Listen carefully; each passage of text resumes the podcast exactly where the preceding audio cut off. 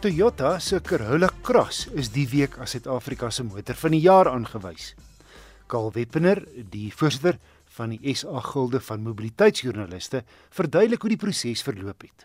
Deur die bank van al die jurylede wat gestem het, het hy 'n baie hoë persentasie uh, gekry met die stemtotale. Ons as jurylede kry ook die voertuie om mee te gaan ry. Ons is by die bekendstellings. Ons kry dit agterna vir 'n tydperk en dan gebaseer daarop besluit die jury dat hy hulle vorming wat ons dan nou ook bære en dan wanneer die tyd kom vir die stemming is daar 36 lyn items waarop ons dan nou kyk van 'n uh, 1 tot 'n 10 maar ek moet daarom sê wanneer 'n kar finalis is kyk jy nie sommer onder 'n 5 merk wat jy gee nie aan 'n 5 is gemiddeld. En hy het baie goed gedoen in al daardie punte vir die jurylede en dan kyk ons na wat is die waarde teenoor sy mededingers. Karl Weppener, die voorsitter van die SA Gilde van Mobiliteitsjoernaliste. Suzuki het sy Baleno luikerig verfris.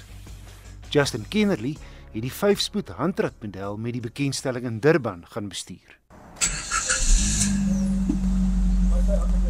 Ek wil net die staanspoor uit sê, jy koop nie 'n Baleno vir sy dinamiese bestuurservaring nie. Moet my nie verkeerd verstaan nie. Die nuwe 1.5 liter engine met sy 77 kW en 138 Nm wringkrag het genoeg woema om die ligte bakwerk rond te kar wy.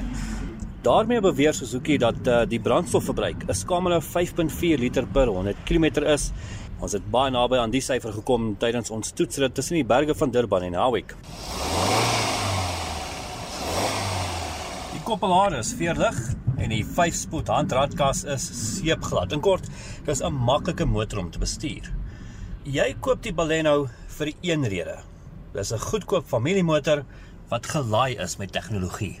Dis nogal maklik om 'n kar redelik spasieus te maak en um, vir hom 'n 'n goeie engine te, te gee wat goeie verrigting lewer. Dan om tegnologie by te sit is half wat mense verwag van voertuie wat meer spasie en goed het. Wil mense iets hê waar jy dalk 'n raakskerm het en Apple CarPlay en Android Auto. Vir ons is dit 'n goeie fokus om dit te hê en ook teen 'n prys wat bekostigbaar is dat mense nie die die kar oorprys met dan meer foefies wat dalk die die kar meer gaan laat kos nie.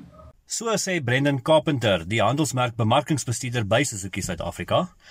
Die intree vlak GL model spog met standaard opsies soos 'n 7-duim raakskerm met Apple CarPlay en Android Auto klimaatbeheer, 'n trikamera met parkeergonsters agter en 'n leerbedekte stuurwiel met ingeboude kontroles.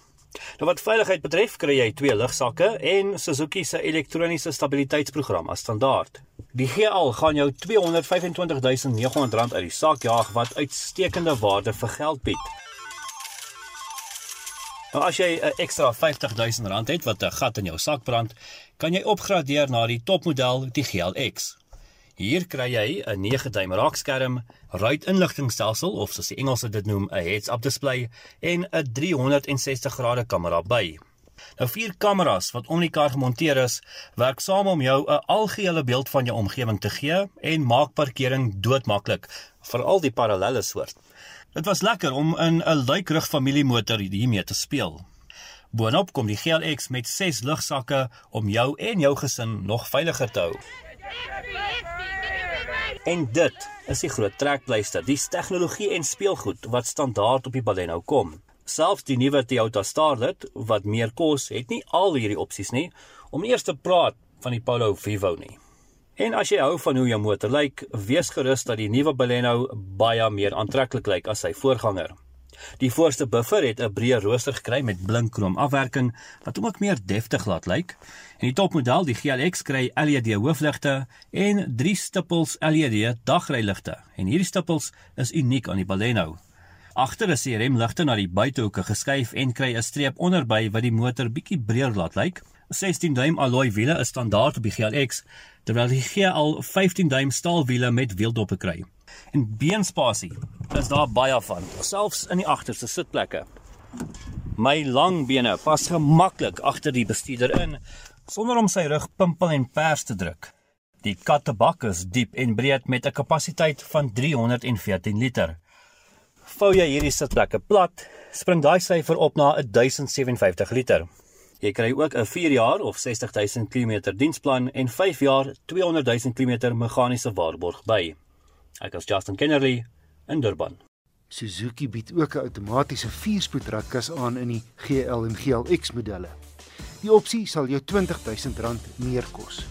Jy kan ook 'n draai maak op ons Facebookblad vir fotos en 'n video van die Baleno.